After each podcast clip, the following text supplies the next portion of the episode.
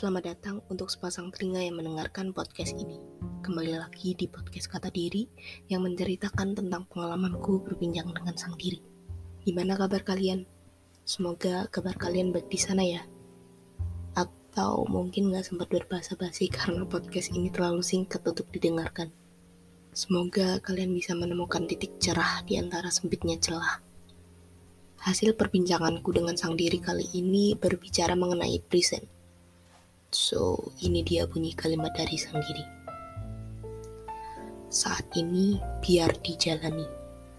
Yang sudah, biarlah pergi. Yang akan datang, biarlah terpatri. Masa lalu, masa sekarang, dan masa depan. Itu dia kalimatnya. Tiga waktu yang berbeda namun saling berkaitan satu dengan yang lainnya salah satu hal di dunia ini yang masih jadi topik, setidaknya sehari sekali dalam otakku terbesit. Sering sih sang diri ini nanya, mana yang paling penting? Mana yang bisa paling diprioritaskan? Mana yang seharusnya dihindari? Pernah gak sih kepikiran yang semacam itu? Seiring berjalannya waktu, pertanyaan-pertanyaan itu mulai membuka pikiranku dan menyadarkan diri untuk bergerak di saat ini. Kayak kalimat tadi yang sang diri bilang, masa lalu yang lama biar berlalu. Yang benalu jangan kasih ruang untuk ganggu. Di masa sekarang, ngaruh buat masa depan, masa yang akan datang. Dan masa depan jadi harapan pun juga tujuan. Jadi, mana yang paling penting? Menurut gue, semuanya. Karena semuanya berkesinambungan. Kalau pertanyaannya, mana yang paling diprioritaskan, aku bisa jawab. Menurutku, masa sekarang yang diprioritaskan. Dan ada satu lagi pertanyaan, mana yang paling seharusnya dihindari? Masa lalu. Coba kita buka satu-satu ya. Kalau masa lampau atau masa lalu, kalau kita uraikan dan jabarkan, atau enggak, enggak usah deh, kita rasain aja deh. Kadang tuh ngerasa masa lalu tuh bikin apa ya ini nih satu kata nostalgia.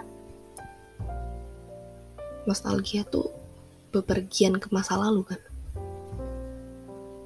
Seneng rasanya bisa mengenang sesuatu.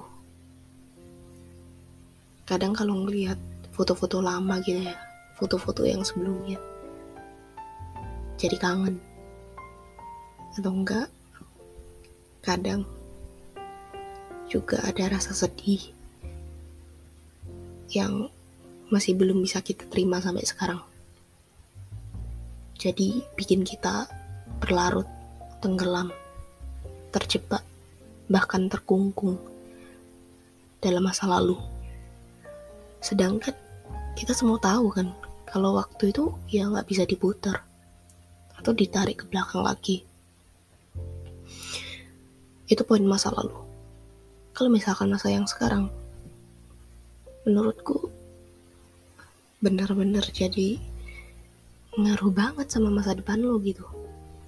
Kadang tuh masa depan ngertiinnya kejauhan. 3 jam ke depan 8 menit ke depan bahkan 1-2 detik ini bergerak itu udah jadi masa depan.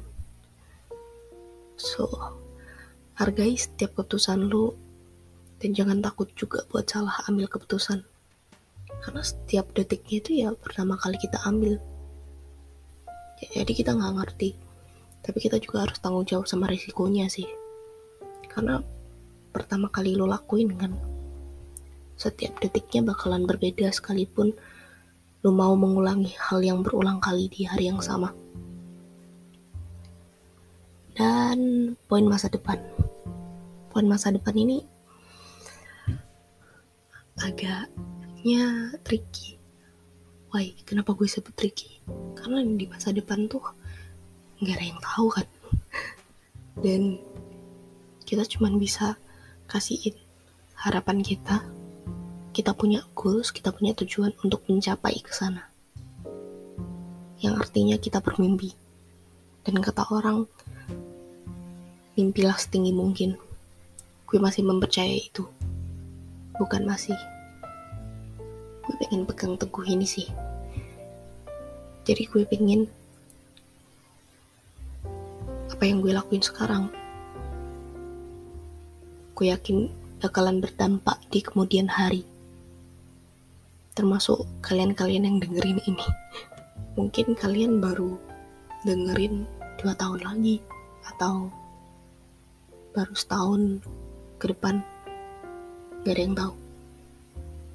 Jadi sebenarnya gue juga barusan gue lagi berbincang dengan kalian-kalian di masa depan masa depanku yang sekarang.